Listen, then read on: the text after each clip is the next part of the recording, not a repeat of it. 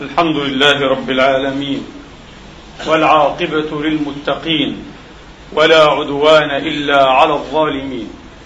الحمد لله هو سبحانه أهل الثناء وأهل المجد. الحمد لله القائل في كتابه العزيز إن ينصركم الله فلا غالب لكم وإن يخذلكم فمن ذا الذي ينصركم من بعده. وعلى الله فليتوكل المؤمنون. وأشهد أن لا إله إلا الله وحده لا شريك له. القوي العزيز الجبار القهار المنتقم. وأشهد أن سيدنا ونبينا وزعيمنا وحبيبنا محمدا صلى الله تعالى عليه وعلى آله وأصحابه وأتباعه وسلم تسليما كثيرا عبد الله ورسوله. وصفوته من خلقه. وأمينه على وحيه ونجيبه من عباده. عباد الله أوصيكم ونفسي الخاطئة بتقوى الله العظيم ولزوم طاعته كما أحذركم وأحذر نفسي من عصيانه سبحانه ومخالفة أمره. لقوله جل من قائل من عمل صالحا فلنفسه ومن أساء فعليها وما ربك بظلام للعبيد. ثم اما بعد ايها الاخوه المسلمون الاماجد ايتها الاخوات المسلمات الفاضلات. يقول المولى الجليل سبحانه وتعالى في محكم التنزيل بعد ان اعوذ بالله من الشيطان الرجيم. بسم الله الرحمن الرحيم. يا أيها الذين آمنوا خذوا حذركم فانفروا ثبات فانفروا ثبات أو انفروا جميعا. وإن منكم لمن ليبطئن فإن أصابتكم مصيبة قال قد أنعم الله علي إذ لم أكن معهم. قد أنعم الله علي إذ لم أكن معهم شهيدا. ولئن أصابكم فضل من الله ليقولن كأن لم تكن بينكم وبينه كأن لم تكن بينكم وبينه. مودة يا ليتني كنت معهم فأفوز فوزا عظيما. فليقاتل في سبيل الله الذين يشرون الحياة الدنيا بالآخرة. ومن يقاتل في سبيل الله فيقتل أو يغلب فسوف نؤتيه فسوف نؤتيه أجرا عظيما. وما لكم لا تقاتلون في سبيل الله والمستضعفين والمستضعفين من الرجال والنساء والولدان الذين يقولون الذين يقولون ربنا أخرجنا من هذه القرية الظالم أهلها واجعل لنا من لدنك وليا واجعل لنا من لدنك نصيرا. الذين آمنوا يقاتلون في سبيل الله والذين كفروا يقاتلون في سبيل الطاغوت فقاتلوا أولياء الشيطان. إن كيد الشيطان كان ضعيفا. ألم تر إلى الذين قيل لهم كفوا أيديكم كفوا أيديكم وأقيموا الصلاة وآتوا الزكاة فلما كتب عليهم القتال إذا فريق منهم إذا فريق منهم يخشون الناس كخشية الله يخشون الناس كخشية الله أو أشد خشية. وقالوا ربنا لم كتبت علينا القتال؟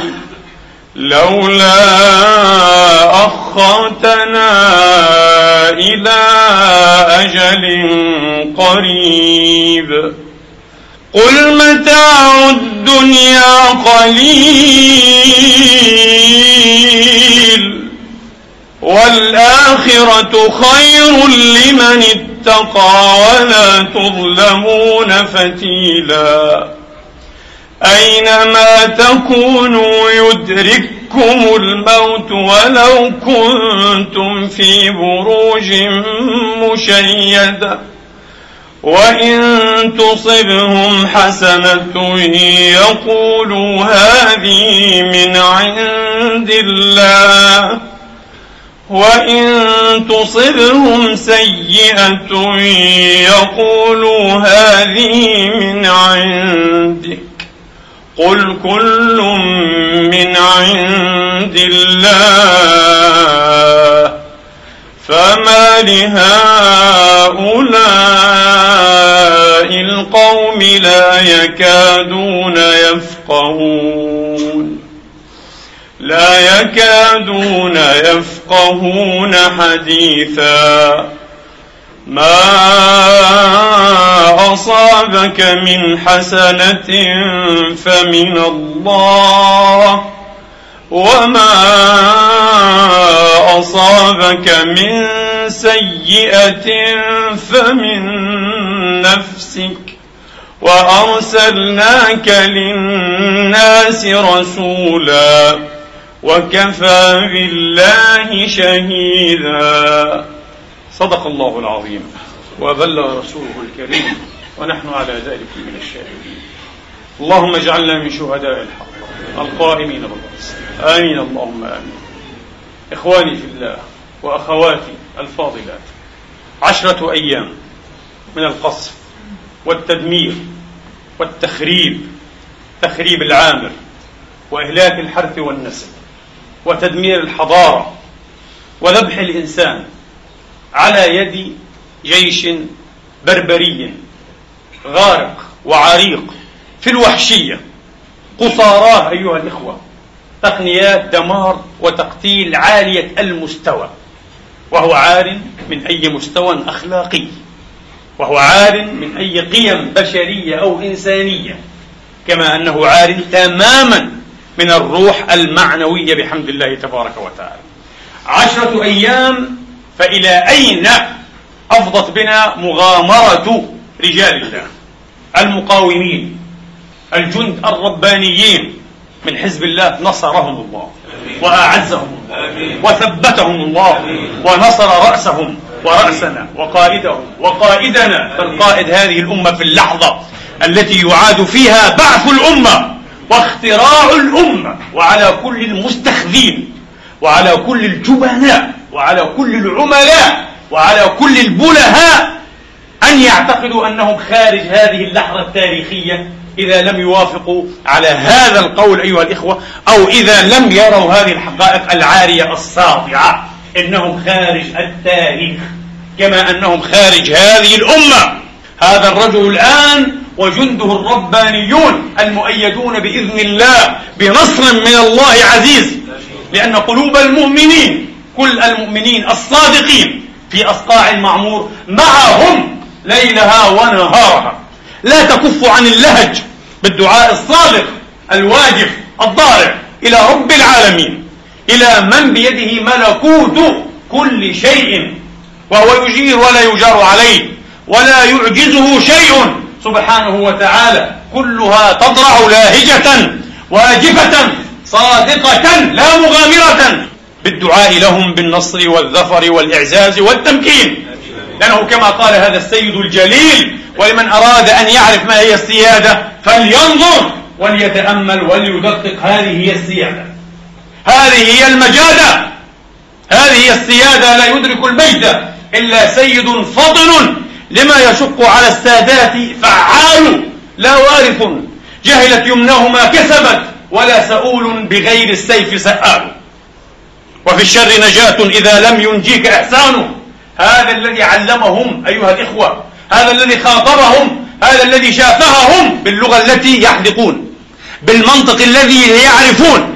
إننا أمام برابرة تتر متوحشين عريقين أيها الإخوة في الوحشية والبربرية. لا يحترمون إلا من يصفعهم على قفاهم وإلا من يبصق في وجوههم. لقد بصق في وجه أزعر الحي أيها الإخوة. قبضاي الحي أزعر الحارة صفع على قفاه ولأول مرة. وأعني بهذا القبضاي الأزعر إسرائيل. لقد بصق في وجه إسرائيل. لقد بدأت تنزف البقرة المقدسة لإسرائيل. أعني جيش الدفاع الإسرائيلي. لقد ضحوا أيها الإخوة وغامروا هم ولسنا نحن بهذه البقرة المقدسة. جيش الدفاع الذي أبرز لياقته وقدراته الدفاعية العالية. أيها الإخوة إنه حتى لا يستحق اسم جيش. أمام هؤلاء الرجال لا أقول الجن إنما أقول الرجال الربانيين الرجال المؤمنين الذين يستحقون أن تتنزل عليهم رحمات الله في الدنيا والآخرة وأن يتنزل عليهم نصر الله. يا له من اسم نصر الله إنه اسم على مسمى. وهكذا تليق الأسماء بمسمياتها. حسن نصر الله. سبحان من أكرمه بهذا الاسم. سبحان من أكرمه بنسبه العريق الماجد لأنه سيد من الدوحة النبوية. وسبحان من أكرمه بهذه الطلعة البهية وبهذا المنطق الواثق وبهذا العقل الاستراتيجي. نحن الآن لا نغامر أيها الإخوة حين نتمدح بهذه المدائح. إنه لا يحتاج حتى إلى مدائحنا. إن أفعاله تترجم عنه. إن أفعاله تترجم عنه. ومن هو نصر الله؟ قائد حزب وميليشيا إنجاز التعبير. فرقة فرق من المجاهدين المسلمين في أصغر دولة من دول الطوق لبنان. لبنان بقبطانها اللبنانيين الأماجد الأشاوس الشامخين. 2 مليون أيها الإخوة. أما الأربعة فهم في الخارج. 2 مليون. مليونان فقط. وهؤلاء مجاهدون من 2 مليون. وهم بضعة آلاف فقط. لقد فعلوا كل ما رأيتم وكل ما تشاهدون والعالم الآن يحبس أنفاسه بودي والله الود كله. أن أستطلع مكنون وخبايا أقزامنا كبارنا. الآن لابد أن يطرح عليهم هذا السؤال. إلى أين أفضت بنا هذه المغامرة؟ لن يعدم هؤلاء أيها الإخوة أن يقولوا إلى الدمار لقد دمرت لبنان. دمرت بيروت والضاحية الجنوبية. دمرت. وهل أنتم رجال عمار أصلا؟ هل أنتم مما يعنيكم أن تعمروا بلادكم وأن تطوروها وأن تخدموها أم أنكم قد أذللتم شعوبكم وأهنتموها وسرقتموها وشربتم نخب إثنائها وإبادتها. اشتريتم بها وبعتم بها وساومتم عليها. اعتقلتم حرياتها. أذلتم هذه الشعوب عقودا. يقولون أجندة إيرانية. الله أكبر. تحليل في منتهى الحذق والذكاء. لكننا نصدم أيها الإخوة. نصدم مباشرة حين نسمع هذا القيل نفسه. من ألسنة من؟ من ألسنة إعلاميي وقادة دولة الكيان الصهيوني دولة العدو البربرية سياسيين وعسكريين. كلهم قالوا بحمد الله والحمد لله أنهم قالوا. هذه أجندة إيرانية ليتفطن أهل لبنان والعرب. هذه حرب. يمكن أن تصير إقليمية حرب إيرانية. حرب بالوكالة إيران تحارب يا عرب. من الذي يقول هذا؟ الصهاينة. أمريكا تقول هذا. بوش قاله. كوندا. كونداليزا ها؟ قالت هذا. كلهم يقولون هذا. فما الذي أتى به حكماء العرب؟ إنهم ببغاوات. إنهم قردة كاذبون. سنقول لهم جملتين أو ثلاث جمل فقط. في الحقيقة نحن لا نوجه كلاما هذا إليهم وإنما نوجهه إلى من يمكن من منزوفي الوعي. من الذين أكلتهم الطائفيات والمذهبيات. وقد أثبت حزب الله وهو نموذج ينبغي على إخواننا في العراق وغيرها أن يستلهموه. أثبت هذا الحزب أن له رؤية استراتيجية أيها الإخوة. تؤكد أنه فاقه وفاهم إلى درجة اليقين والثبات أيها الإخوة. أن الدين أكبر من المذهب. الدين ليس السنة والدين ليس الشيعة والدين ليس الإباضية الدين كل هؤلاء هو الإسلام. وكل هؤلاء ينضوون تحت راية لا إله إلا الله محمد رسول الله. وليس تحت الراية البديلة لا إله إلا أمريكا وبوش نبي الله. الذين يريدون أن يدخلون في الزمان الأمريكي في العصر الأمريكي شعارهم لا إله إلا أمريكا. والله الذي لا إله إلا هو. والله إنهم لا يخشون الله خشية أمريكا. أقسم بالله إنهم لا يخشون أمريكا أكثر من خشيتهم الله. لكن هناك جيل بحمد الله تبارك وتعالى جيل كما قلت يعيد بعث الأمة صناعة الأمة اختراع الأمة. لا يخشى إلا الله. ولا يعلم أن هناك كبيرا أكبر من الله تبارك وتعالى. إلا الله.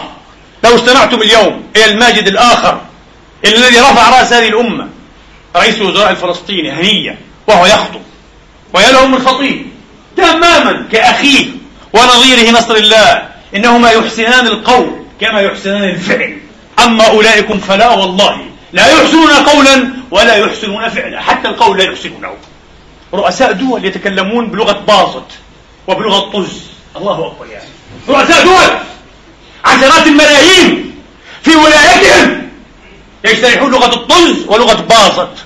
ما هذا أما نصر الله وأما هنية هنأه الله بنصر المسلمين أجمعين في فلسطين ولبنان وفي كل أصقاع المسلمين إنهما رجلان ثابتان عاقلان وعندهما رؤية أيها الإخوة ليس مغامرين ولسنا نحن حين أيضا نؤيد هذا الاتجاه بالمغامرين نحن أصحاب الرؤية تعرفون لماذا؟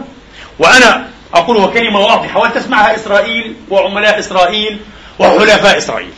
لا قدر الله ولا سمح مليون مرة. لو كنا نحن مكان إسرائيل فسننصح أنفسنا أن نستجدي السلام أنا أقولها. وهذه نصيحة لا تستحقها إسرائيل. وأنا أدعو الله أن تبقى سادرة في غيها وفي غطرستها حتى تكسر رأسها بإذن الله تعالى. فقد أكدت إسرائيل الآن بعد أن رضي العرب. رضي الضحية أيها الإخوة. الضحية رضيت بأن تعيش إسرائيل بين ظهرانين وافرة موفورة معززة مكرمة في حدود الثمان والأربعين. وأعطينا حدود حزيران 67 نحن رضينا بهذا. وتنازلنا عن فلسطين التاريخية كما يسمونها. لكنهم لم يرضوا. ويتهموننا بالطمع. وأنا قرأت هذا لقادة صهاينة قالوا هذا شعب طماع. شعب شره وشرس. كلما أعطيته طلب المزيد. ماذا أعطيتمونا؟ ماذا أعطيتمونا؟ أعطونا على الأقل ما تقرره المواثيق والمعاهدات الدولية العالمية. لا نريد شيئا من لدنا. ولا نريد أن نكون مؤدلجين كما يقولون. أبدا. نحن هنا نحترم الشرعية الدولية. أعطونا. قالوا لا. وترون ماذا يفعلون أي بأهلينا في لبنان الآن وفي فلسطين بالأمس. ولذلك أنا أقول على كل عاقل لو كان مكان إسرائيل وكان ذا رؤية. طبعا هذه الرؤية كلمة لا يفهمها زعمات العرب.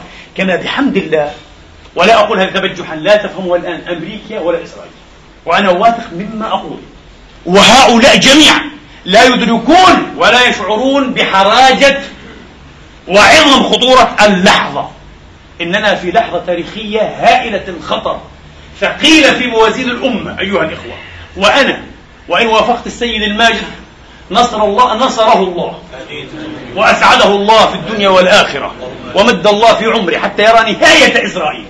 وحلفاء إسرائيل وأذناب إسرائيل أنا إن وافقته في كل ما يقول فقد أخالفه في شيء واحد. حين قال إن لم ننتصر في هذه الحرب فسيغرق العرب في ذل أبدي. كلا. أنا هنا أخالفه. أنا هنا أخالفه. لماذا؟ لأن هذه الجملة قيلت ألف ألف مرة قبل ذلك. لكن برز لدينا نصر الله. وبرز لدينا حماس. وبرز لدينا الجهاد العراقي المبارك. إذا الأمة لم تغرق في ظلم هذه أمة عنقائية. مثل العنقاء تخرج من تحت الرماد. تخرج من تحت النار. تعيد اختراع نفسها تعرفون لماذا؟ لقد قلت لكم مرة واحدة ربما لماذا؟ لأن الله هو القائل في آخر سورة البروج بل هو قرآن مجيد في لوح محفوظ كيف؟ ما معنى هذا القول؟ هذه السورة سورة البروج تحكي لنا قصة الموحدين الربانيين الذين حرقوا في أخاديد خدت لهم بالنيران شيبا وشبانا نساء وأطفالا لكن الله قال بعد ذلك وبعد أن ذكرنا بالأقوام المتغطرسة المتجبرة في الأرض بغير الحق مثل فرعون وقومه قال بل هو قرآن مجيد في لوح محفوظ. الله لو قرأ هذه السورة مستشرق مليون مرة لن يفهمها. لو قرأها غير موحد بليون مرة لن يفهم ما سر هذا التذييل. لماذا ختمت السورة بقوله تتحدث عن مآسي وعن بلاوي ونكبات ومرائر وعذابات؟ ثم تقول بل هو قرآن مجيد في لوح محفوظ. هذه السورة بهذا التذييل تريد أن تقول لنا ولكل موحد من أبناء هذه الأمة البررة كثرهم الله وأيدهم الله وأيد بهم هذا الدين وهذه الأمة. تريد أن تقول لنا ولهم جميعا ما دام الكتاب محفوظا فلن تفنوا. لن تبيدوا. وأن حرقتم في أخاديد تخدد لكم ليل نهار. لن تبيدوا. وهذه الأمة بحمد الله أيها الإخوة كما لاحظ الصحفي والإعلام الإسرائيلي الشهير داني روبنشتاين فيما ينقل عنه الكاتب اليهودي المنصف الأمريكي بين كريمر في كتابه لماذا أو كيف خسرت إسرائيل؟ How Israel lost the four questions. ينقل عنه يقول لقد لاحظت أن رجال ال PLO Palestine Liberation Organization منظمة فتح منظمة التحرير أيها الإخوة كانوا لا يقرؤون إلا ماركس ولينين وستالين وإنجلز. أما الآن فقد تغير الأمر بالكلية يقول روبنشتاين. غدا هذا الشعب لا يعرف إلا الكتب الإسلامية والصراع دخل مرحلة جديدة بالكلية. أيها الإخوة لقد جن جنون هؤلاء وجن جنون أمريكا في تقديري أن هذه الحرب كما هي حرب إسرائيل هي حرب أمريكا أيضا. لكن من زاوية نظر أنا أراها توريطا أمريكيا لإسرائيل أيضا. أمريكا أيها الإخوة أصبحت كاللديغ يخاف من أي خيط مبرطش أمريكا الآن عندها رعب كبير من شيء اسمه جهاد ومقاومة إسلامية. والذين يتابعون التقارير والتحليلات الغربية وخاصة من بريطانيا يعلمون كيف هي الحال الآن في العراق. رغم كل هذه السخافات الطائفية والمذهبية وكما قلنا ونحن نزعم هذا ونؤكده أيها الإخوة وراء الاستعمار الأمريكي والموساد الإسرائيلي إلا أن حركة الجهاد والمقاومة في تنام مستمر وهي لا تعرف أن تستهدف إلا العدو الأمريكي الواغل الغاصب. بلير نفسه قال قال تستشري كالنار في الهشيم. قال حتى المحايدون في العراق إما رحلوا خارج العراق ما عندهمش قدرة قتالية جبناء وإما اضطروا أن ينضموا إلى هذه المقاومة. هذا لا يقال لنا في إعلامنا العربي المدجن ولا ينبغي أن يقال. تماما كما لا يقال لنا الآن كم هي معاناة إسرائيل وشعب إسرائيل. صحيح؟ ترون. ممنوع. فهل تتصورون أنهم يقولون لنا كيف هي معاناة الجيش الأمريكي المحتل البريطاني في العراق؟ مستحيل. كل التركيز على إيه؟ أن السني قتل الشيعي. والشيعي قتل السني. تفجيرات أسواق. أين خسارات الجيش الأمريكي؟ ممنوع أن تقال أيها الإخوة. هناك مقاومة شرسة إسلامية نسأل الله أن يثبتها وأن يؤيدها وأن يؤلف بين قلوب قادتها وأن يوحد صفها وأن يبارك رميها وخطوها ونقلها. اللهم آمين. الآن أمريكا بعنجهيتها بقبضها وقطيطها كاللديغ الذي يخاف من الخيط المبرقش أيها الإخوة. أمريكا غير قادرة الآن على أن تفتح جبهات جديدة وأن تتورط في مغامرات. هنا المغامرات؟ مع هذه الشعوب الأبية. مع شعوب أيها الإخوة. سمعتم السيد نصر الله أمس ماذا يقول؟ يقول هناك إخوة لي أكثر ما يحزنهم وأكثر ما يقلقهم يخوفهم أن تكون هذه آخر حرب مع إسرائيل كيف كانت النتيجة وأنهم لن يقضوا فيها شهداء. أكثر ما يحزنون عليه. أنهم قد لا يموتون شهداء لا في قتل أخي السني أو في قتل أخي الشيعي هذه ليست شهادة هذه موت ميتة. فطيس والعياذ بالله. هكذا أنا أفتيها بالعامية فطيس. الذي يموت هذه الميتة إلا أن تقتل خائنا. أو متعامل مع الأمريكان ظاهرة خيانته الصف الأمريكي بشكل واضح. لكن تختلف معه وجهات نظر مذهبية سياسية تكتيكية وتقتله وأنت فطيس أنت ميت لو مت. لكن الذي يقتل هذا الصهيوني المجرم وهذا الأمريكي الواغل هذا أحسن شهيد أيها الإخوة. هم يقولون إرهاب. إرهاب؟ هل حزب الله إرهابي نعم إرهاب. وحماس إرهاب؟ إرهاب. عن أي إرهاب تتحدثون؟ يتحدث هذا العنصر الكاوبوي الجلف الغليظ الغبي. يذكركم بأفلام الكاوبوي القديمة. بولتون. سفير أمريكا المتحدة أبو شنبات شنابو. يقول هذا إرهاب worldwide هذا إرهاب على مستوى العالم worldwide worldwide متى قام حزب الله بعملية خارج حدوده؟ متى؟ متى قامت حماس بعملية خارج أرضها وترابها المقدس؟ هؤلاء يقاتلون بسواعدهم ويغامرون بأرواحهم وبأهليهم وبدمائهم. أيها الإخوة على أرضهم وعلى ترابهم المقدس. ما معنى وورد وايد أيها الغبي العنصري؟ كاوبوي ينكي متخلف. أبدا. هؤلاء هم مجاهدون حقا. شاءت الدنيا أم أبت؟ وكما قلت وأقولها مليون مرة ولن أمل من تكرارها. وهؤلاء لا تستطيع كل قوى الكون. وهنا أجترح وأتوسل لغة نصر الله. كل قوى الكون! أن ترهبهم وأن تخيفهم. لماذا؟ لأنك لا تستطيع أن تخيفهم بأكثر من الموت وهم يتمنونه. وهنيئا لهم. ساعة يسقط أحدهم شهيدا. هنيئا والله لهم. هنيئا لهم. أيها الإخوة هنيئا لهم.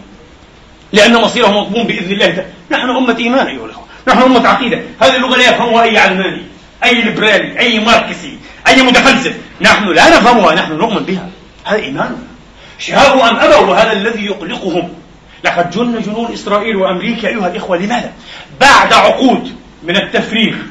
والاستنزاف والتنميط والتضييع والتتويه باللغة العامة لهذا الجيل بل لهذه الأجيال لهذه الأمة. وترون كما أقول دائما قنوات القذارة والزبالة والعهارة والخلاعة. أتحدى أن أحدكم يستطيع أن يدير أيها الإخوة ويقف لحيظة واحدة في غير وقت الأخبار المدجنة على قناة مثل قناة ال MBC مثلا.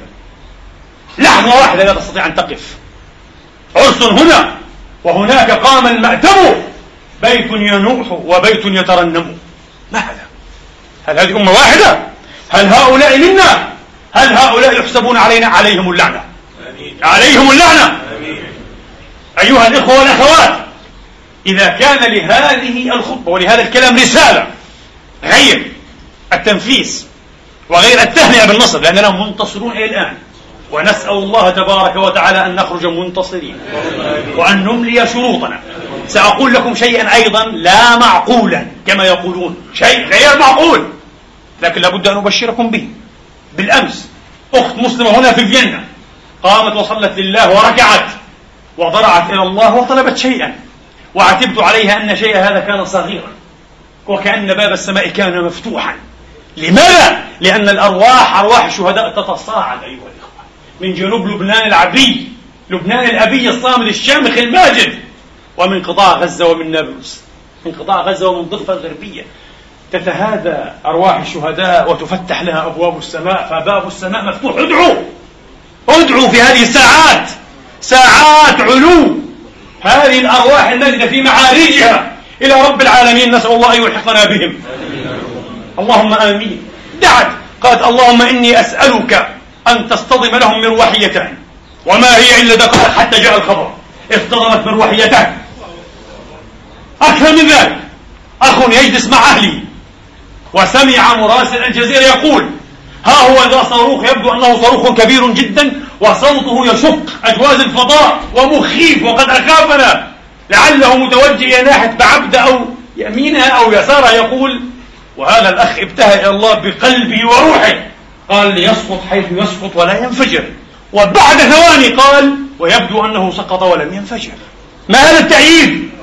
لو وقفنا مع إخواننا فقط بأرواحنا أيها الإخوة وأيضا بألسنتنا وأيضا بدموعنا وإن شاء الله في يوم من الأيام بدمائنا وبأموالنا. بأن نقول كلمة الحق أن نعيش أوفياء لكلمة الحق. لو وقفنا معهم فإن الله سيقف معهم ومعنا إن شاء الله تعالى. لا أقل من أن نقف معهم بكامل أيها الإخوة مشاعرنا وجداننا أرواحنا روحانياتنا. همم الصادقين الرجال تقتلع الجبال بإذن الله تعالى. إن لله عبادا. هذا كلام السادة الصوفية. لكن الآثار الصحيحة تصدقه. إن لله رجالا إذا أرادوا أراد. واحد يقول هذا كلام صوفي. لا هذا كلام محمد عليه السلام. ليس بنصه وإنما بمعناه. إن من عباد الله من له أقسم على الله لأبره. رجال الله رجال حزب الله إن شاء الله من هؤلاء الرجال. هؤلاء رجال صدقوا ما عاهدوا الله عليه. فصدقهم الله. صدقهم الله. أعود أيها الإخوة أعذروني لأنني مثلكم تماما منفعل. ولا أعرف من أين أبدأ ولا أين أنتهي.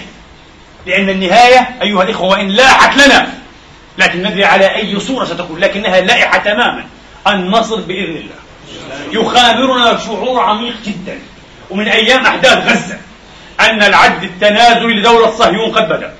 يخامرنا شعور عميق أيها الإخوة أن بداية النهاية لهذه الدولة الواغلة قد بدأت. بداية النهاية وكما قلت لكم لأول مرة منذ نصف قرن يضربون هذا الضرب الوجيع المؤلم المرهب في عمقهم. وما سيأتي إن شاء الله سيكون أعظم. لأول مرة. لأول مرة يقفون عشرة أيام. لا يستطيعون أن يتقدموا مترا واحدا أيها مترا واحدا. أين قوتكم؟ أين المركبات أربعة. هذه بدأت الخدمة قبل أقل من عامين. ومدرعة تدريعا أيها الإخوة ارتداديا. عبوة الصاروخ إذا ضربت فإنها تنفجر إلى الخارج. لأن فيها متفجرات في هذه العبوة ولكن حزب الله اخترقها. بصاروخ إيراني. نعم مطور لكن إيراني. بصاروخ صنعته الأيدي المتوطئة والأرواح الموحدة. ماذا صنعت صواريخ الدول الأخرى؟ ماذا يعمل كبراؤنا الذين يقولون يريدون أن يضللوننا؟ كأننا غنم أيها الأخوة كأننا بقر أكرمكم الله. أجندة إيرانية. أها حسن إذا إذا أنتم لستم مع لبنان وكشفتم ظهر المقاومة وغطيتم ظهر إسرائيل فقط لأن الأجندة إيرانية. جميل.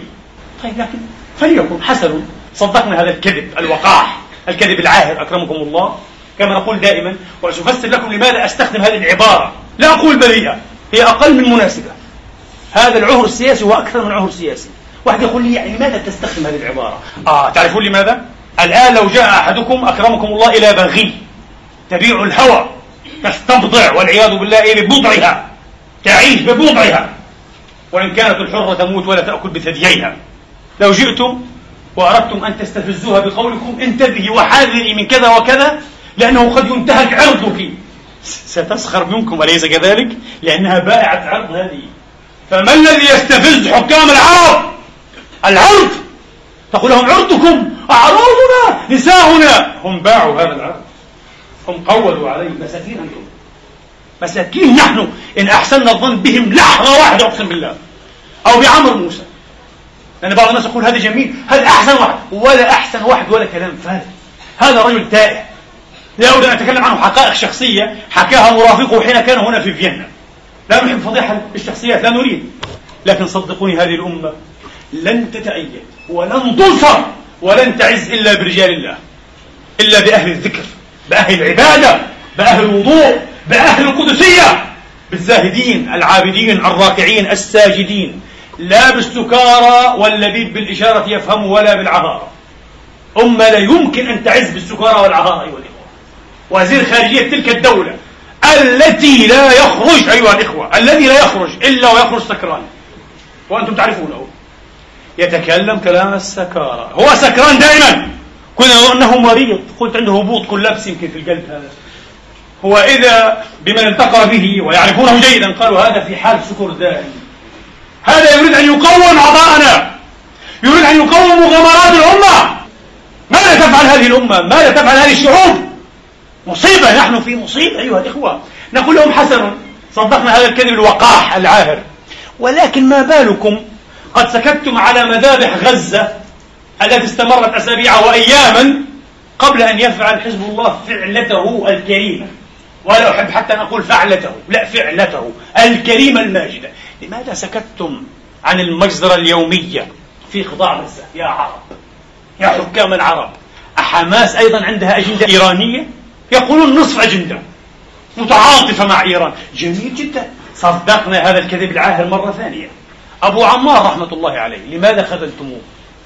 لماذا سلمتموه؟ حين قدمتم مبادرتكم للسلام سماحة وطواعية ما شاء الله كرم شهامة عربية هكذا على طبق ليس من فضة من ذهب من لؤلؤ من زبرجد لإسرائيل فكانت مذبحة جنين وكان قصف المقاطعة ومحاصرة أبي عمار رحمة الله عليه على ما كان منه. ثم سمم الرجل ولم تطالبوا بدمه ولم تطالبوا بأن يفتح تحقيق حقيقي وجدي حول نهايته. حدث أحد حراس أبي عمار رحمة الله عليه الشخصيين من قوات السبعة عشر حارسه الشخصي. قال يوم حاصرت إسرائيل أبا عمار. اسمعوا الحقائق حقائق هذه فم لفم ليست كتب وليست هيكل. هيكل الغائب عن الوعي. محمد حسنين هيكل الدونكي شوتي أنا الآن أسميه الدونكي شوتي هيكل يحدثنا عن أسرة محمد علي وعن بشوات الخمسينيات ولا يتحدث عما يحصل اللحظة في غزة وفي لبنان. ماذا تفعل يا أهبل؟ لا أحب هذا الرجل ولا أحب طريقته حتى في الحكي لأنه دونكي شوتي لا يحب أن يفلسف لنا الماضي. يحب نحبه ونريد أيها الإخوة مع من يعطينا رؤيا لليوم والغد. تحدثنا عن الماضي. والحاضر الجريح مفتوح على أعمق جرح. لماذا تغيب دون كيشوت؟ دون كيشوت هذا. يعيش في ماضي أيوة يتسلى به. مأساة الأمة عظيمة جدا.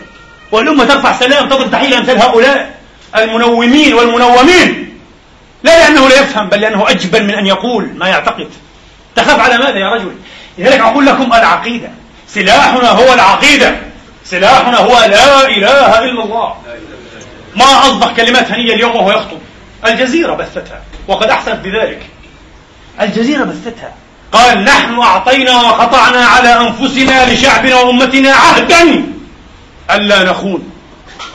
ألا نتراجع وأن نبقى أوفياء لأهدافه ومقدساته ومبادئه. صادق وصدقه الله. لن نزل ولن نذل ولن نحيد وسنكسر قيد العبيد. فإما عشنا أحرارا وإما متنا أحرارا فنحن أحرار أمواتا وأحياء. هكذا هكذا. لا لغة الأجندة أجندة. أبو عمار كانت أجندته إيرانية؟ أبو عمار علماني. أيها الإخوة ليس إسلاميا مسلم ولكنه ليس إسلاميا. لم تكن أجندته في أي يوم من الأيام إسلامية. أبو عمار لماذا خذلتموه تستقصون بقية القصة. يقول حارسه الشخصي يقول يوم حاصرته إسرائيل جعل المسكين يهاتف كل زعامات العرب. دولة دولة ودويلة دويلة. ولم يرد عليه أحد. طبعا معروف من أين هذا الهاتف؟ من رام الله. أبو عمار محمد. لم يرد عليه أحد. حتى إذا صار المساء يقول هذا الحارس ولأول مرة أرى فيه الانكسار. رغم كل ما مر به رحمة الله عليه لم ينكسر. كان رجلا جبارا بلا شك. كان رجلا جبارا. لم ينكسر. انكسر تلك العشية وقال يا فلان لقد خذلونا. خذلونا. تركونا. في اللحظة الحرجة قرروا أن يتركونا. تعرفون لماذا؟ لأنهم هوتفوا من الرب الأمريكي أستغفر الله العظيم. أأرباب متفرقون. خير أم الله الواحد القهار؟ هم أرباب نعم. لكن ليسوا لنا. ليسوا أربابا لنا أرباب لهم. فهل كانت أجندة أبي عمار إيرانية؟ خذلتموه طيب صدام حسين. والقضية مش صدام حسين. أبدا. لا انعشه الله. وإنما العراق. هل العراق أجندته أمريكية؟ إيرانية أستغفر الله. العراق دخل في حرب أيها الإخوة مع إيران ها؟ زهاء عشر سنين. مليون شهيد. ليست أجندته إيرانية ويا ليته ما فعل. هو فعل بتحريض أمريكاني أيضا على إيران. مش ممكن أن يقال أن العراق إيراني. لماذا فتحتم بركم وجوكم وبحركم لكي يبتلع العراق أمريكيا؟ وخزائنكم وعاهراتكم أستغفر الله. اللهم إني أستغفرك أنني أجترح هذه اللغة في في منبر رسول الله لكن هذا الذي حصل. وتعلمون بعثوا لهم ممرضات لكي يسددن الناحية الفلانية. تعلمون هذا. كتبت هذا جرائد أجنبية ماذا بقي لهذه الأمة من شرف والشعوب؟ تنام وتستيقظ على روتانا السينما وعلى ستار أكاديمي وعلى قلة الأدب والعقل. يريدون أن يدخلونا إلى العصر الأمريكي. فما هو الوعد الأمريكي؟ promise ما هو ال promise ما هو الوعد الأمريكي؟ تعرفون ما هو؟ ما حصل لرجالكم ونسائكم أخواتكم وبناتكم وأمهاتكم يعني أخواتنا وبناتنا وأمهاتنا في أبو غريب. هذا هو الوعد الأمريكي. هذا ما ستعطيكم إياه أمريكا. يوم تكسركم وتغلب عليكم هذا ما ستعطيكم إياه أمريكا. طبعا وأن تشرب بترولكم وأن تهتك أعراضكم وأن تدمر حضارتكم. كما سرقت متحف العراق سبعة آلاف سنة حضارة وعز ومجد. أمة. أمة صنعت الحضارة مرتين هذا الشعب العراقي العظيم الشامخ يأتي شعب اليانكي الذي لم يعرف التاريخ إلا من 250 سنة. والآن يأتينا شعب إسرائيل الذي عمره 50 سنة الآن دولة إسرائيل 50 سنة. ماذا؟ ما هي 50 سنة في عمر الأمم؟ ليضرب جسورا في لبنان الأبي عمرها ألف سنة. حضارة ألف سنة تضرب الآن. جسر قديم تحفة تاريخية. ألف سنة لماذا يضرب؟ لأنهم يكرهون أن نثبت أننا أعرق منهم حضارة. أستغفر الله هم ليسوا ليس لهم حضارة أصلا. أعرق لهم حضارة. بعض الناس يقول آه يا عدنان هذا كلام مشايخ. هذا كلام يليق بالمنابر لكن لا يليق بالساسة ولا بالتحرير السياسي. هذا من عتهك. هذا لأنك مغلوب على أمرك. هذا لأنك تعبد القوة الكافرة هذه القوة العالية المتغطرسة. لكن مناحيم بيجن كان أذكى منك وأكثر اعتزازا منك. أذكر أن مصطفى خليل رئيس وزراء مصر في وقته. بعدين صار رئيس وزراء طبعا. لماذا؟ لأنه وافق على كام ديفيد. فصار رئيس وزراء مباشرة. هذا لما قعد مع بيجن هو يقول هذا. لم أصدق أذني أنه هذا الغبي المعفن يقول هذا. أقسم بالله. يقول هذا في لقاء مع أحمد منصور في الجزيرة. شاهد على العصر. شاهد على الدمار على العار على الويل والثبور الذي لعقنا هو نفسه يقول. قال لما التقى بي بيجن في حديث أنا قلت له يعني نحن لا علاقة لنا بالإسلاميين ولا بالمتدينين نحن دولة علمانية. ونتكلم عن خلفية علمانية. لا علاقة لنا بكل هذه الأشياء. قال فسألني بيجن هل تقرأ القرآن؟ قلت له أحيانا في رمضان ممكن يعشر صفحات إذا فعل إذا فعل الله غني عنه وعن قراءته. قال له لكنني أختم التوراة كل أسبوع مرتين. يعني افعل ما بدلك أنت كافر بدينك أنا مؤمن بديني. بيجن يقول هذا. بيجن الذي كان يقول أنا أحفظ التوراة كما أحفظ اسمي. كان يحفظها. عن ظهر قلب. ومن الصعب جدا حفظ هذا الكتاب. الضخم الكبير. المعقد اللغة والأسلوب. يحفظه عن ظهر القلب. بيجن بعد هزيمتهم أو نصف هزيمتهم في رمضان أكتوبر 73 في ال 77 صار رئيس وزراء إسرائيل. تعرفون في أول خطاب له ماذا قال؟ أول خطاب.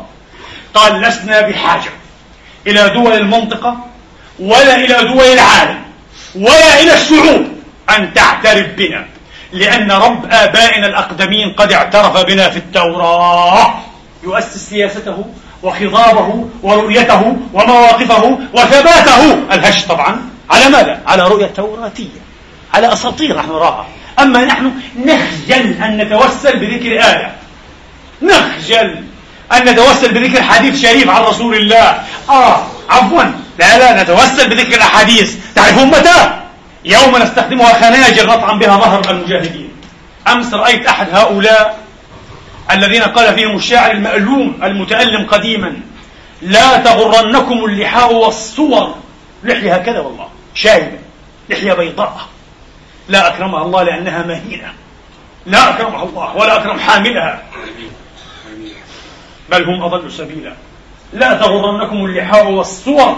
تسعة أعشار من ترون بخر. هؤلاء قال بهائم يسمونهم مشايخ وعلماء يفتون كرهتهم وكرهت فضائياتهم. حتى اقرأ هذه والله كرهتها في الله. ما لا تفعل ما تقرأ الآن؟ لا علاقة لها. عن الزوجات وعن الحموات وعن تربية الأطفال وعن أكل مش عارف إيه وعن طبخ لبنانية وأخرى سعودية. ماذا تفعلين يا إقرأ؟ أيضا أنت دون كشوتية؟ أنت منتحرة؟ قناة منتحرة. لا, لا لأنه هذا يخدم أجندة إيرانية. لا علاقة لنا بهذا. هذا يخدم أجندة أمريكية. تريد أن تعيد ترتيب وتخطيط المنطقة لصالح أمريكا وإسرائيل. وهم يصرحون بهذا. قلنا هذا أيها الإخوة وقرأناه ألف مرة. يصرحون والله العظيم مراكز بحثهم. التابعة المحافظين الجدد أمريكان انتربرايز ها؟ وكل هذه المعاهد تصرح وهذا مكتوب. وكيفونيم الإسرائيلية يقولون لا بد من بلقنة العراق وتقسيمه. كنتنة العراق. ولا بد من كنتنة الشام كلها لبنان وفلسطين وسوريا والأردن ولا بد من السعودية أرض الآباء والأجداد خيبر. وأما مصر فهي ال big prize هي الجائزة الكبرى. يصرحون بها ماذا تفعل الشعوب؟ هم يقولون نريد أن نلتهمكم دولة دولة وهذا مخططنا. فافعلوا ما بدا لكم لأنهم يئسوا منا لكن القدر لم ييأس منا. ونحن لم نيأس من ديننا ولم نيأس من إخوتنا ومن أنفسنا بحمد الله تبارك وتعالى.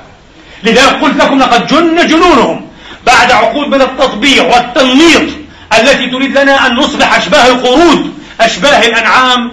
وإذا بالعالم وبإسرائيل خصوصا ترى نفسها محاطة مكتنفة بثوران إسلامي عار عات جبار عصي في فلسطين وفي لبنان والتكملة. أما رماد الأردن ورماد مصر ورماد سوريا ورماد كذا وكذا وكذا من هذه الدول فتحته وميض نار يوشك أن يكون له ضرار بإذن الله تعالى.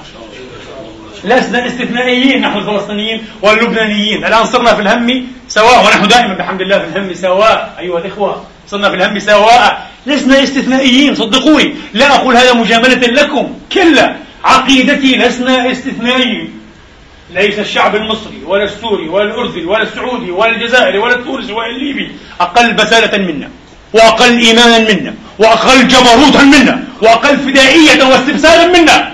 لكن هي اللحظة إن شاء الله تعالى التي يمكرها قدر الله ويمكرون ويمكر الله. وهذه اللحظة آتية وأنا أسأل الله أن تكون البداية في مصر. إن كانت البداية في مصر فلتعد إسرائيل أيامها. لتعد إسرائيل أيامها. هي الآن. أنا أقسم بالله أنها أصبحت الآن على يقين أنها هي أصبحت أنها دولة هشة. تعرفون ماذا قال لهم الإعلام؟ ليس عدنان. الإعلام الإسرائيلي قال استروا عوراتكم أيها الجيش الإسرائيلي بورق التوت. استروا عوراتكم. لم تفعلوا شيئا. أنتم جيش تخطفون كالفئران.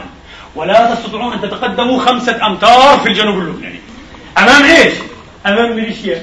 أمام رجال بضعة آلاف. طبعا في خطوط أمامية هم بضعة إيه فقط. الله أكبر. الله أكبر. أمام أعتى رابع جيش يحترف القتل والذبح والتدمير في العالم. لماذا؟ لأنه وما النصر إلا من عند الله. كم استبشرت أيها الإخوة بعمر موسى؟ أمس. حين قال لن تعقد لي القمة العربية. قلت الحمد لله رب العالمين. والله من كل قلبي. أقسم بالله من كل قلبي. لأنني أعلم أنهم لا يجتمعون إذا اجتمعوا إلا على خيانة وإلا على لؤم وإلا على لعب والعياذ بالله. ليسوا كلهم طبعا. فئات منهم فئات.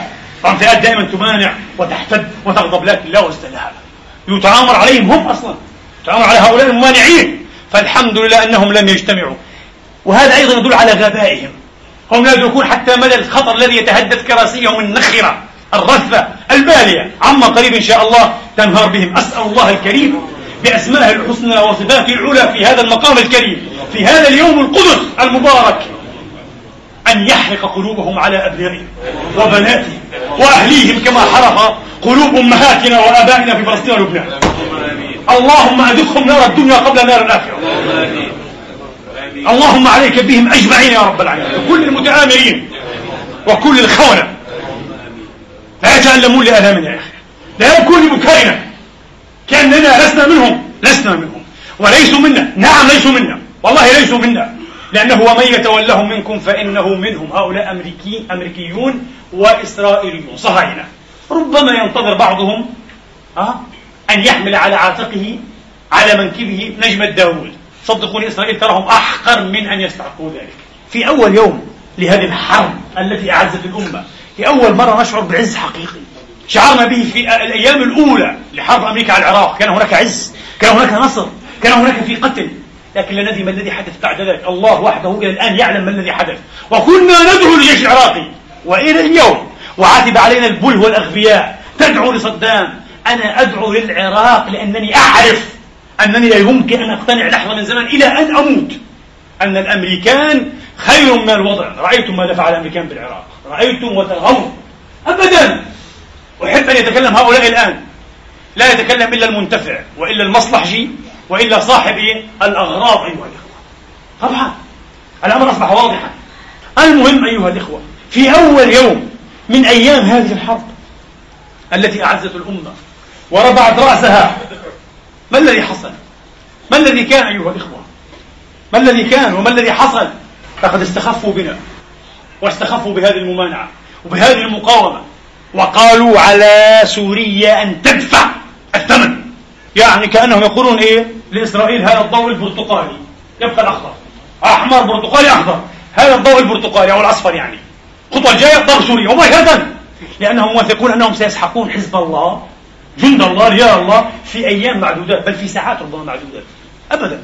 في ساعات. العراق سقطت في أيام. يسقط حزب الله في ساعات. وسوريا عليها الدور. وكان الرد السوري أدهشنا. كان حكيما وواثقا ومؤمنا أيها الإخوة. في إيمان بالنصر سوريا في اليوم الثاني كان ردها دبلوماسية خطيرة. قالت كل إمكاناتي تحت لبنان. معناه تحت المقاومة. وزير الإعلام تكلم كلاما صعبا جدا. كيف؟ لماذا سوريا واثقة لهذه الدرجة؟ الآن ماذا استمعتم إلى الإدارة الأمريكية تقول في آخر الأيام والساعات على سوريا أن تتدخل. لماذا؟ لإيجاد حل لهذه الأزمة. إذا أصبحت طرفا دوليا سوريا صح؟ على المستوى العالمي سوريا صارت محترمة. صار لها دور. أين هو دور مصر؟ ولا شيء. ولا شيء. لم يطلبوا من مصر ولا شيء.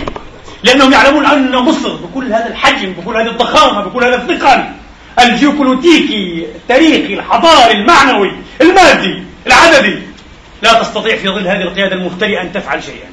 سكتوا عن مصر بالكامل.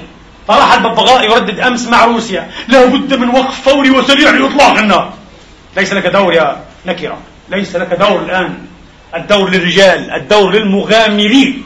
لغات الذين وصفوا المغامرة أيها الإخوة بدأت الآن تتردد بين إدانة العدوان الإسرائيلي وضرورة تطبيق 15 59 وكلام في عمهم يترددون والله العظيم.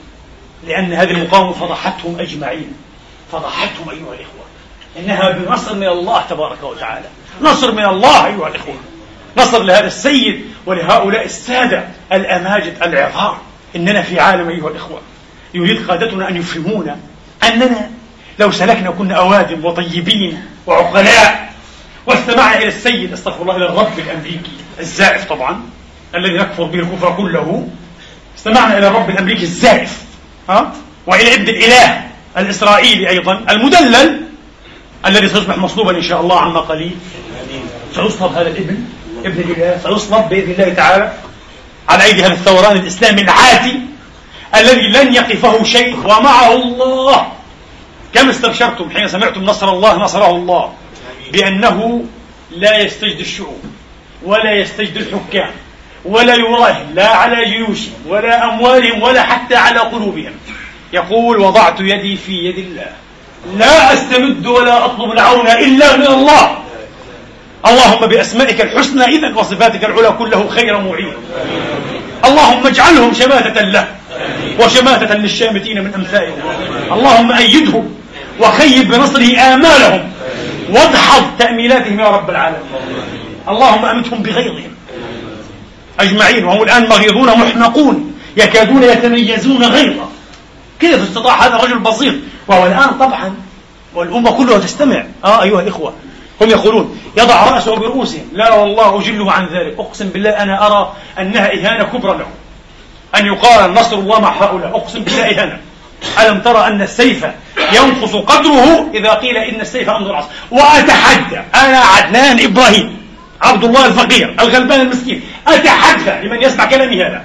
أتحدى كل زعماء العرب أن يجروا استفتاء شعبيا على أن يبايع نصر الله أميرا للمؤمنين وقائدا عاما للأمة. إذا لم يتحصل على 80% على الأقل فأنا لست عدنان أتحداهم أن يغامروا هذه المغامرة.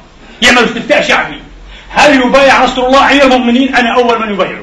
أقول عن هذا أول من يبايعه. يا إخوان هل نحن مجانين؟ لو جاءت روسيا تدافع عني أنا سأساعدهم يا أخي. صح؟ نحن نتمنى أن يدافع عن المجتمع الدولي صح؟ نفرح جدا لتصريح يخرج من بلجيكا أو إيطاليا أو فرنسا. يدين العدوان من دانا يدين العدوان. نفرح جدا. كيف لو وقفت فرنسا؟ وقالت طيب أنا سأرسل بوارج حربية لأفصل في النزاع وأضع حدا لهذه الغطرسة الإسرائيلية. ستركعون لها؟ طيب يا أخي هذا مسلم. هذا مجاهد يا أخي. تقول لي أجندة إيرانية يا سيدي إيران تدافع عني. يا أهلا وسهلا. يا حي هلا بإيران إيران. تحركت يا أقزام العرب. ليسوا أنتم؟ حاشا لله أنتم من عمالقة العرب إن شاء الله. إنما هم يا أقزام العرب. إيران تحركت في الفراغ الذي تركتموه. أنتم تركتم فراغا. إيران عملت نعم وأمدت حزب الله في الجنوب اللبناني في لبنان. جيد جدا. هل أمددتم حماس أنتم؟ دائما أنا أتحسر. كفلسطيني وكمسلم وكعربي حين أرى هذه الصواريخ المتطورة جدا الإيرانية ها التي اخترقت العمق عمق الدروع وعمق الكيان الصهيوني. وطائرات الاستطلاع الإيرانية مرصاد واحد سمعتم بها؟ مرصاد واحد طائرة استطلاع إيرانية الصنع بعث بها رجال حزب الله. طبعا لم تقل هذا أي فضائية عربية. انتبهوا انتبهوا إلى فضائياتكم. الجزيرة الآن عندها موقف شوي استثنائي غريب. أنا محتار جدا في تفسير هذا الموقف. آه. لكن جيد في العموم محتار مش قادر أفهم ليش لحد الآن. لكن القنوات الأخرى انتبهوا على ماذا تركز. قتل عشرون لبنانيا ثلاث قصفات كذا كذا في الضاحية الفلانية. قتل ذبحا هلك كله عن لبنان لبنان لبنان. بس إسرائيل لا تسمح للإعلام أن يقول قتل عشرة صهاينة أه؟ فجرت ممنوع لأن هذا يفت في إذا هذا خطاب مصوغ ومبلور حتى ماذا؟ حتى يضرب الروح المعنوية لدينا. الله أكبر يا أخي. لا تقل لي هذا. أنا حتى في التلفزيون لا أحب أن أنظر إلى الأشلاء. أحيانا تضعفك إنسانيا هذه الأشلاء والدماء. لا أحب أن أنظر إليها. أسمع الخبر مجردا دون صورة. هكذا أنا حقيقة أفعل هذا. لكن أحب أن أنظر بملء عيني إلى ما يحدث في إسرائيل. لكن ما في صور. ممنوع. لأنهم يعرفون كيف يخوضون المعركة الإعلامية. نحن على العكس تماما. انتبهوا. ونستضيف شخصيات إسرائيلية. تقوم حزب الله والجهاد في حماس ها؟ وجهاد حزب الله وهكذا. إسرائيلية وشخصيات أمريكية من الإدارة الأمريكية ومن الصحافة الصهيونية الأمريكية. ما هذا؟ ما هذا؟ إلى هذه الدرجة نتآمر على أنفسنا. نتآمر على جهادنا. يا إخواني صدقوني هذه الفرحة. وأنتم ترون أننا في فرحة غير الحمد لله هذه أفرح أيام حياتنا الحمد لله والله أنا لم أعش في حياتي فرحة كهذه الأيام وكأيام الانتصار العراقي في أول جهاد ضد الأمريكان. والله لم أعش في حياتي. أنا اليوم تلقيت خبر وفاة أختي الكبرى رحمة الله تعالى عليها. قولوا آمين. والله ما سلاني ما سلاني عن عن وفاة رحمة الله عليها إلا الفرحة بنصر المسلمين في لبنان. لأنني فرح جدا جدا. وأنا سلوان سالم. قلت إنا لله وإنا إليه راجعون. وبكيت كما يبكي الأخ أخته. ولكن قلت ليست أعز من الأبطال والفرسان الذين يجندلون في كل ساعة. ولست أنا أعز منهم. ولا أي واحد منا أعز منهم. وأنا أسأل الله لها أن يدخل الله مدخلهم. لو أدخلها مدخلهم هذا أقصى وغاية مناهج إن شاء الله. والله العظيم يا إخواني والله ما نتحسر إلا على أنفسنا. كيف سنموت؟ وأين سنموت؟ هل سنموت كالبعران المعبد على الفرش يا ليتنا نموت مثل هذه الميتة. ميتة الشهداء الصامدين الذين يأبون أن يعيشوا قتلى أحياء كأموات. وإنما أيها الإخوة يجوزون ويتمنون أن يموتوا شهداء. لكن يأبون أن يعيشوا قتلى فطايس أحياء كأموات. لا لا يعرفون الحياة بهذا المعنى ولا يعرفون لهذه الحياة من معنى أصلا. هكذا هؤلاء يظنون علينا يستكثرون علينا يبخلون علينا أيها الإخوة بابتسامة الفرح بهذا النصر. يريدون أن يسرقون هذه الفرحة. لا لا لا بس في تدمير كبير. لبنان دمرت. طيب أنا سأقول للزعيم الفلاني تعرفون من هو؟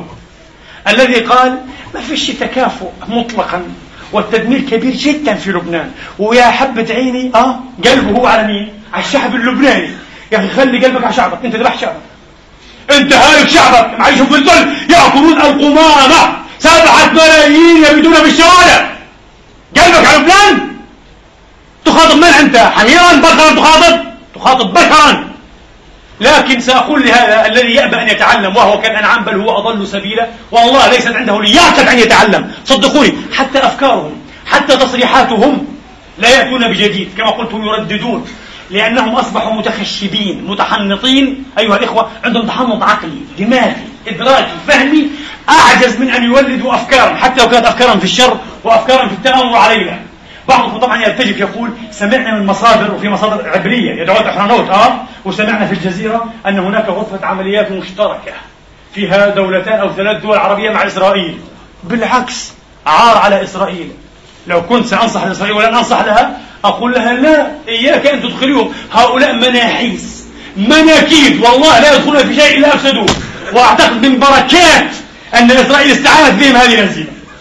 والله العظيم لأنهم مناحيس هم لا يستطيعون أن يحرروا شبرا. حزب الله حرر الجنوب.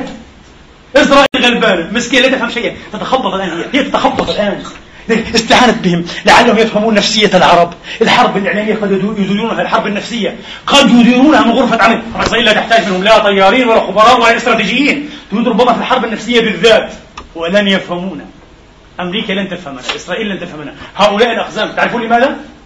لأنهم أموا سمتا وأممنا سمتا وبيننا وبينهم أمد قصير بيننا وبينهم أمد قصير لا يحذقون لغتنا. لا يفهمون لغتنا. هو مستعد أيها الإخوة دائما أن يضحي بالشعب كله وبتاريخه وتراثه وحضارته مقابل مليون أو عشرة ملايين دولار. أما نحن نقولها بفخر واعتزاز وشموخ بحمد الله تبارك وتعالى ونقسم على ذلك بالله الذي لا إله إلا هو لو طوبت لنا الدنيا بما فيها. ما قلنا عقائدنا ولا قضايانا ولا مواقفنا. هذا مش بيقول عندنا إبراهيم غلبان. كل رجال هذه الأمة الأماجد الصادقون الذين صدقوا ما عاهدوا الله عليه. يستحيل أن يخونوا وكما قلت مستحيل أن يزلوا أو يذلوا أو يحدوا هم الأمة تريد رجالا بهذه القامات تريد رجالا بهذه الهمم بهذه النفوس بهذه المجالة هؤلاء يأخذون الأمم. الملك فيصل رحمة الله عليه أيها الإخوة. وهو أول الآن من يكذب على هؤلاء الوقائعيين المتمعقلين. لما زار قبل حرب حزيران يونيو يوليو عفوا 67 ديغول شارل ديغول محرر فرنسا من النازي بأسبوعين قال له ديغول يا جلالة الملك لقد أصبحت إسرائيل أمرا واقعا وأنا أنصح لكم نصح الأمين الصادق معكم اعترفوا بإسرائيل لأنها أمر واقع. تعرفون ماذا قال فيصل رحمة الله عليه؟ الذي ارتلته اليد الصهيونية الإسرائيلية. بتدبير داخلي من داخل البيت. قال له لم أكن أتوقع أن أسمع هذا الكلام بالذات منكم أنتم يا سيادة الرئيس بالذات من محرر فرنسا من الاحتلال النازي. لأنه لو كان منطق الواقع يعني الرضوخ للواقع والوقائع والرضا بها لكان عليك أن ترضخ الاحتلال النازي لأنه أمر واقع. وبسط نفوذه على فرنسا. والجنرال بيتاه ما شاء الله أصبح نازيا. أصبح مع النازي. منطق الوقائع والواقع والرضوخ له. طبعا نحن نقدر الوقائع ولا بد أن نفهم الواقع. لكن لا يعني هذا أن نرضخ ونرضى بالعكس نحن نفهمه ونقدره ونحسبه جيدا لكي نتجاوزه لكي نساهم في تغييره وتفويره هذا هو المنطق الواقعي. وليس العكس. وإلا كان منطق أحلام ومنطق أقوال وخطب كهذه الخطب. لا. قال أنت بالذات أنت محرر فرنسا من النازي. لو خضعت للأمر الواقع لما فعلت. فسكت. أسكت. عن أي واقع يتحدثون. كما قلت إيران عملت حزب الله. هل هؤلاء مدوا حماس نشعر بالحسرة؟ لماذا ليس عند حماس على الأقل من الضفة المصرية مثل هذه الصواريخ؟ لماذا لا تهربونها إليها؟ وحين تضبط قولوا هذه تجارة أسلحة. بدو سيناء البدو من سيناء ومن غيرها بتاجروا يا أخي. إحنا مصر مبتلى بتجارة المخدرات. نعدم تجار المخدرات والتجارة تستشري. مش قادرين نعمل. إيش نسوي؟ اعمل هيك. مين بده كذا بس لا في تآمر في تآمر ممنوع! الآن المخطط الأمريكي أيها الإخوة ممنوع أن يعلو الصوت الإسلامي. لا مقاومة وعسكرة ولا سياسة ودبلوماسية في المنطقة. صوت إسلامي لا! طبعا أنا أقول أمريكا معها الحق في المستوى المنظور تماما لكن ليست لديها رؤية. في المستوى القريب حتى. فضع البعيد لماذا؟ لأن الصوت الإسلامي الهادر هو الذي سيقود المنطقة. شاء هؤلاء أم أبوا؟ هذا آت آت آت كما قال نصر الله إن شاء الله تعالى. آت لا محالة. وكل المعطيات تؤكد بحمد الله تبارك وتعالى. وقد أنجز هؤلاء الإسلاميون الكرماء أيها الإخوة في عقود يسيرة ما لم تنجزه كل الدول العربية في عقود طويلة. العرب يقولون الدول العربية خلوها في الدول العربية في الجامعة العربية ماذا فعلوا؟ أين العرب الآن؟ أين العرب؟ كما سأل قلت مائر مرة أين الفلسطينيون؟ أنا أسأل أين الدول العربية؟ في ال 48 سبعة جيوش حاربت صح؟ في ال 67 ثلاثة جيوش ها؟ في ال 73 جيشان ويعني شوية منظمة التحرير في 82 تركوا لبنان والفلسطينيين وحدهم بعد ذلك الفلسطيني وحده واللبناني وحده أين العرب؟ هل يخوضون معارك؟ هل عندهم إرادة للتحرير ومجابهة المشروع الصهيوني الابتلاعي؟ ثم اسألوهم ليسألوا أنفسهم أولا ثم إسرائيل ثانية هل تخلت إسرائيل عن حلمها في أن تكون الكبرى إسرائيل الكبرى هل تخلت؟ والله ما تخلت بالعكس إسرائيل أيها الإخوة عملوا دراسات عشرات السنين أكثر من عشر سنين وكان عندهم حوالي 300 خارطة بلانز آه مابس يعني أكثر من 300 خارطة. وقال لك أكثرها تواضعا من النيل الفرات نعم هذا كلام من مصادر إسرائيلية مش مش عندي. هم أكثر خارطة متواضعة. شفتوا كيف العالم الإسرائيلي؟ أزرق وأزرق من النيل الفرات في أكثر من هيك طبعا في من طنجة إلى الباكستان. من طنجة إلى جاكرتا. كل هذا هذه دولة إسرائيلية. ليه؟ أموات إحنا؟ لسنا أمواتا بحمد الله تبارك وتعالى. لسنا أمواتا نحن أحياء وسنكتب حياة جديدة وسنخترع معنى جديدا للحياة. يعلم هؤلاء أن أطماعهم هباء وأن خططهم ليست قدرا إلهيا لازبا. قيادات العرب يظنون أيها الإخوة أن إسرائيل إذا خططت أو أمريكا إذا رسمت فهذا قضاء إلهي حام. لا راد له. أستغفر الله. هذا شرك سياسي وثنية سياسية. بالعكس أمريكا أخطأت مئة ألف مرة صح؟ أكبر خطأ لها في فيتنام. خطأ الثاني في بيروت. خطأ الثالث الآن في العراق. إسرائيل كل حياتها تخبط وأخطاء. على فكرة إسرائيل أيها الإخوة أكبر نصر وآخر نصر أحرزته. تعلمون متى؟ 67 بعد هيك زال أبدا. دولة مكتوب عليها الفناء بحمد الله تبارك وتعالى. 67 أكبر علو وصلوا فعلا. واستفحلوا. 73 هزموا. 82 في بيروت هزموا. طبعا في اجتياح 78 هذا كان هيك. 82 هزموا. 2000 خرجوا مذعورين بلا مواثيق ولا شروط حملوا مداعهم وخرجوا مذعورين من أمام حزب الله. في الانتفاضتين هزموا. وسيئوا وجها. وساءت سمعتهم. والآن بحمد الله هزموا إسرائيل في هزيمة دائمة. هذه المقولة أيها الإخوة ليست لي للأمانة. قالها أحد أولياء الله المكاشفين. متى قالها؟ في السبعة وستين؟ وسمعتها لمحلل فلسطيني هو. آه، استراتيجي صاحب رؤية أنا أغبطه عليها. من الشخصيات المحترمة جدا التي أحترمها قال هذا الكلام بعينه وهذا لا يقال كثيرا. بالعكس الذي يقال لنا أن إسرائيل تتسرطن وتمتد وتكبر. هذا صحيح. إسرائيل تضمحل وتزول بحمد الله تبارك وتعالى. هل تعلمون أنتم أيها الإخوة آه. أن المجتمع حتى الإسرائيلي مفكك ومتداعم؟ أمس سمعنا أن البطالة فيه 9% وأن أكثر من 20% أكثر من خمس الشعب الإسرائيلي يعيش تحت خط الفقر. هل سمعتم هذا؟ هل تعلمون أن نسبة الفوائد على القروض البنكية أحيانا في إسرائيل تبلغ أيها الإخوة كم أحيانا؟ 30% هنا في النمسا 6% خ... 30% مجتمع مدع هل تعرفون تاريخ يهود أولمرت هذا؟ حين كان وزير الصحة أكبر سراق. عنده ملف فضائح وسرقات وبهادل ملاجئ ومناقب طبعا مثله مثل رابين مثله مثل آه، شارون كلهم هكذا.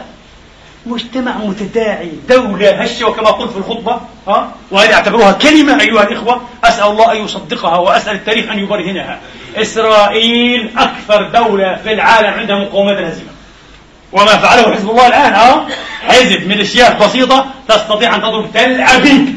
يؤكد أنها دولة ليست معصومة وليست محفوظة من الضربات ومن الانتهاك. وإن كانت أيها الإخوة لكن الأمس القريب فقط كانت تعيش على وهم وهم خلقته فينا.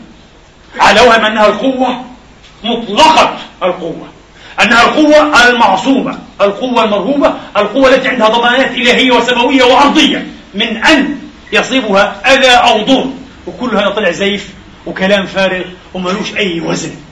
يقول السيد حسن نصر الله أعتقد يحسن بنا أيها الإخوة منذ هذه الأيام وهذه الساعات أن نقتبس هذا الرجل. هذا الرجل دخل التاريخ الآن شئنا ما بينه ولا بد أن يقتبس كقائد عسكري وسياسي ها؟ وكمصلح ديني أيها الإخوة. خالد وتاريخي هذا الرجل. تاريخي. من كلمات التاريخية يقول إن إسرائيل ليست قوية فقط إلا في أذهاننا. هو يعلم أنها في الواقع ليست قوية. وهو يعلم أنه بقوته المحدودة والمعدودة يستطيع أن ينال منها وأن يوجعها أن يؤلمها جدا. نسأل الله ألا يتوقف هذا الألم ألا يتوقف هذا النزيف. اللهم لا تحينا ولا تمتنا حتى نرى آخر يوم في حياة إسرائيل. اللهم انتقم للأطفال للأشلاء للدماء للضحايا للثكالى للأرامل للمساكين للمقهورين للمنزحين للمهجرين. اللهم انتقم المقدسات للتراب الطهور للمنشآت للعمران للحضارة. اللهم انتقم لنا ولكل ضعيف وانتصر يا خير نصير. إلهنا ومولانا رب العالمين.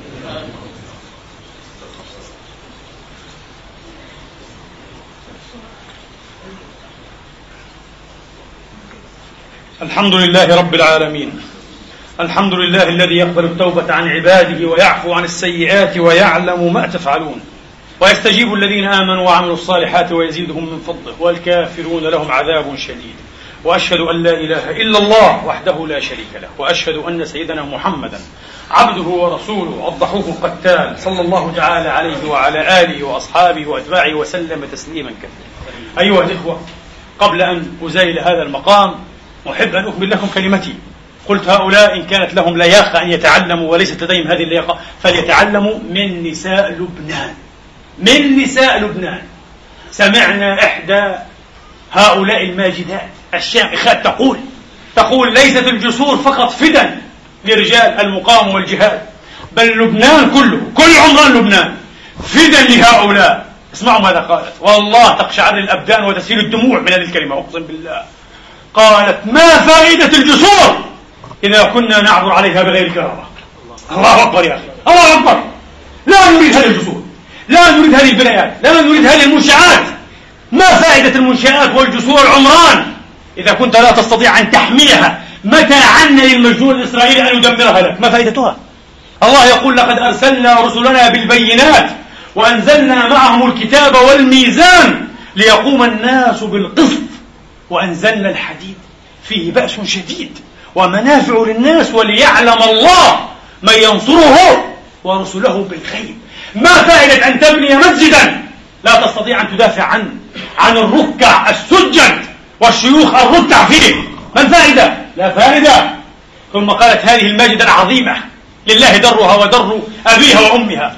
قالت وكل ما أتمناه على الله أن هذا السيد الجليل السيد حسن نصر الله قالت يوم يكتب له النصر إن شاء الله قريبا أن يمن علي بعباءتي التي تعرق فيها. التي تعب فيها حين كان يدفع عني وعن أبنائي وأخواتي وعن شرفي وعن بلدي. أن يعطيني هذه العباءة لأتمرغ في عرقها قليلا وأمرغ أبنائي فيها قليلا ويا ليتهم يوزعونها شؤف حدث يعني على الناس. لعل هؤلاء يصابوا بعدوى الكرامة والشرف. هذه حق لها أن تتكلم. ومن أراد أن يتكلم بعكس منطقها فابصقوا في وجهه. ابصقوا في وجهه. هل تعلمون أن هناك هنا من إخواننا في النمسا لا ضر ضرهم؟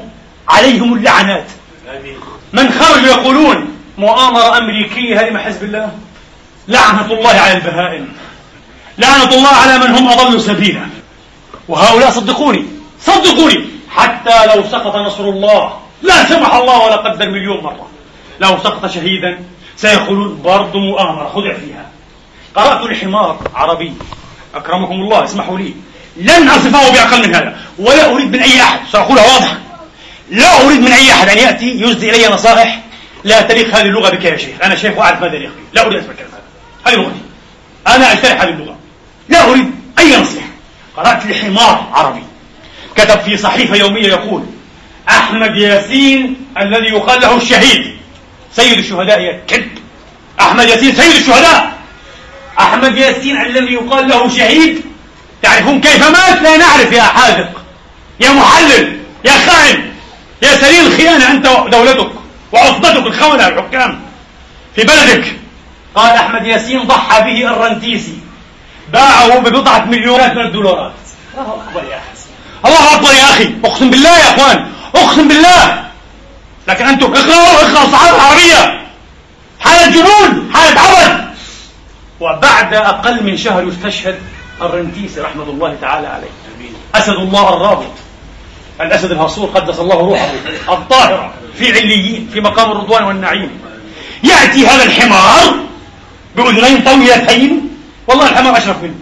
يأتي هذا الحمار ليقول ولم تتح الفرصة كافية للرنتيسي أن يتنعم بالأموال التي باع بها شيخه أحمد ياسر. إياك يا أخي المسلم أن تكون كهؤلاء الحمير. نصيحتي لك. إياك.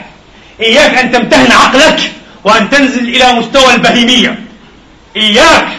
إياك أن تردد ما يقوله قادة العدو الصهيوني والأمريكان. إياك. أنا بالنسبة لي سأقولها واضحة لأن بعض الناس قد يظن أنه يحرجني بهذا السؤال. يعني هل أنت يا عدنان ممكن توافق على مد شيعي إيراني في المنطقة؟ نعم. أنا سأقول لك الجواب. إذا خيرت بين مد شيعي مسلم تحت راية لا إله إلا الله محمد رسول الله. وبين مد صهيوني هتلي مد أمريكي. غوانتنامو أبو غريب لا إله إلا أمريكا. وبوش نبي الله. سأكون ملعونا. سأكون نسلا ملعونا. سأكون مسلما كفر وارتد. لو قلت سأختار الخيار الثاني فاختر ما بدا لك إذا خيرت لكن هذا لن يحصل إن شاء الله تعالى. هذا كله كلام أمريكي إسرائيلي. ضحك علينا أيها الإخوة. ضحك علينا. إيران تخوض حربها بذكاء. يا ليتهم يخوضون حربهم بذكاء. نعم. تخوض حربها وتعالج ملفاتها بذكاء شديد جدا. وتريد أن تمتلك القوة؟ قواها الله. أيها الإخوة أختم بجملتين أطلت عليكم لكن المقام يستدعي. لا تبخلوا ببعض الوقت. على أمتكم وعلى أنفسكم. على شرفنا وعلى عرضنا وقضايانا أيها الإخوة. الآن في كل الكتب التي تؤرخ الحضارة الإسلامية يؤرخ الحضارة الفاطمية على أنها حضارة إسلامية عريقة أنشأت المكتبات مدت الطرق بنت وسيلة الجسور والعمران بالطابع الفاطمي. آه أيها الإخوة والمساجد وهي الجامع الأزهر. فاطمي آه صحيح. وبنت القاهرة جوهر الصقلي يعني حضارة. لكن الفاطميين كانوا أسوأ بكثير. آه من إيران اليوم. بكثير. آه وكانوا فرقة باطنية أيها الإخوة. وفعلا يعني لقي أهل السنة منهم المر والويل لكنهم لم يقيموا لنا مذابح جماعية لم يهتكوا أعراض الحرائر لم يرفعوا راية الكفر كانوا موحدين أيضا. كان شعارهم لا إله إلا الله محمد رسول الله. الآن كلنا ما بعرف نعتز بهم وهذا جزء من حضارتنا الإسلامية. ما في مشكلة يا أخي. إذا حصل يعني وأخذت إيران دورها في التاريخ وعملت حضارة في ست سبع دول خليها تروح حضارة إسلامية. ستخدم هذه الأمة على كل حال. لكن لن يخدمكم الأمريكان. ولا الصهاينة لا أولمارت ولا وولفويتز ولا بوش ولا كل هؤلاء الأوغاد عصابة الشر عصابة المكر العالمي. فلعنة الله عليهم وعلى من تعاطف معهم وعلى من ستر عوراتهم وعلى من ستر عورته بهم وعلى من لف لفهم.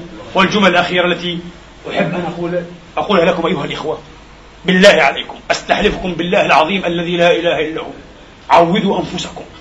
وعلموا أولادكم. هذا ليس خطابة أقول هذا كتكليف شرعي لي ولكم. تكليف الوقت واجب الوقت. أشعروا أنفسكم وأشعروا أولادكم أبناءكم وبناتكم أنكم أذكى وأزكى وأنكم أنقى وأتقى وأنكم أشجع وأصلب وأنكم أكثر حسا وتحسسا بخطر اللحظة واطلاعا بعبء المسؤولية. من أن تسقطوا؟ في الوحدة الزرية أيها الإخوة وحدة العهر الفضائي قذارة الكليبات الخلاعة خلاعة الأفلام والمسلسلات.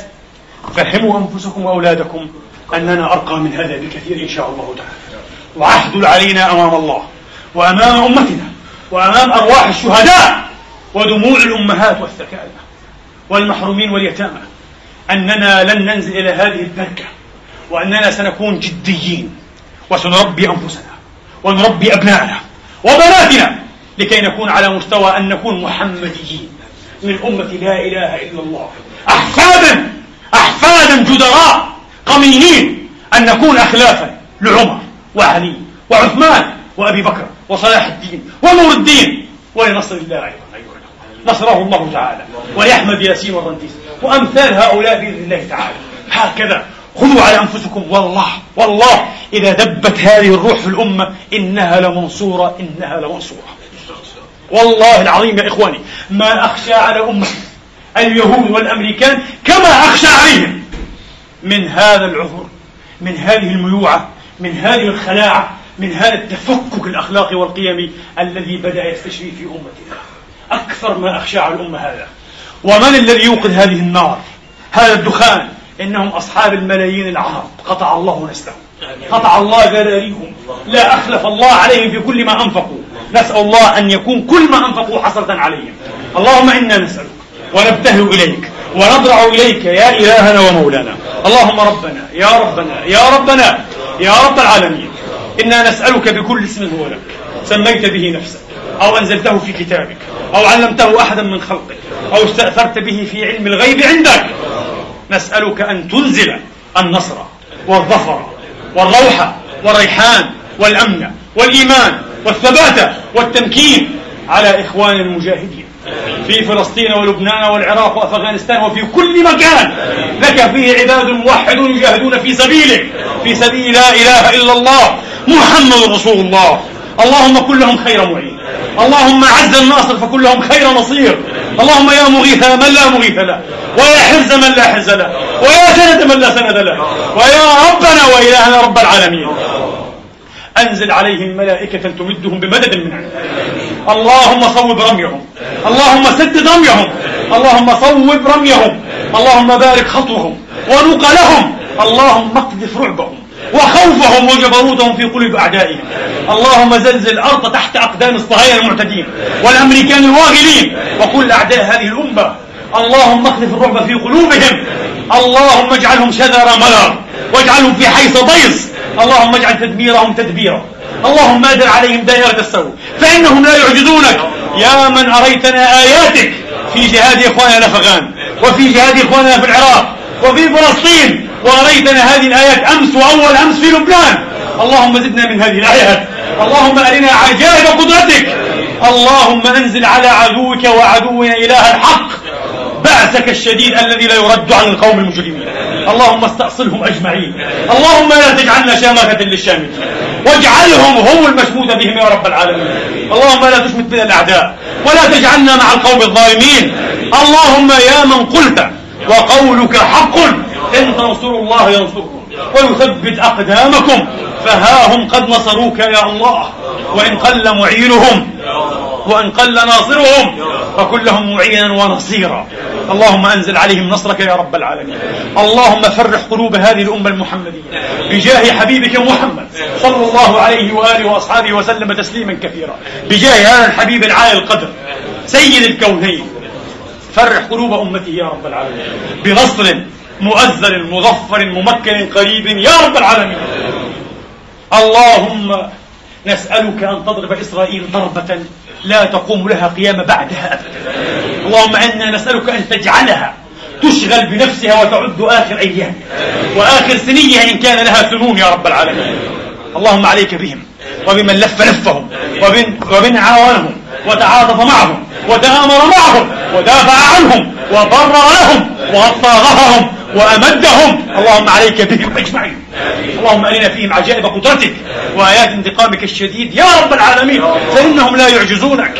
يا من قلت وقولك حق ووعدك صدق وإن عدتم عدنا فقد عادوا إلى السفك والتخريب وإعادة الفساد في الأرض. يا رب العالمين والقتل والتدمير والتذبيح وهتك الأعراض. اللهم فعد عليهم بالويل والثبور وعظائم الأمور. واجعلهم شهادة للشعب. فيه اللهم اجعلهم أثرا بعد عين اللهم اجعلهم خبرا ونسيا منسيا. يا رب العالمين. يا رب العالمين. يا رب العالمين. إلهنا ومولانا رب العالمين. لا إله إلا أنت. سبحانك إنا كنا من الظالمين. نبوء إليك بنعمتك علينا. ونبوء بذنوبنا. فاغفر لنا ولا تؤاخذ إخوان المجاهدين بذنوبنا. ولا تؤاخذنا نحن عبادك المستضعفين بما فعل السفهاء منا من كبرائنا وصغرائنا. إنك ولي ذلك. يا سميع الدعاء. يا قريبا غير بعيد. يا رب العالمين. عباد الله إن الله يأمر بالعدل والإحسان وإيتاء ذي القربى وينهى عن الفحشاء والمنكر والبغي. يعظكم لعلكم تذكرون. فستذكرون ما أقول لكم. وأفوض أمري إلى الله. إن الله بصير بالعباد. وقوموا إلى صلاتكم يرحمني ويرحمكم الله.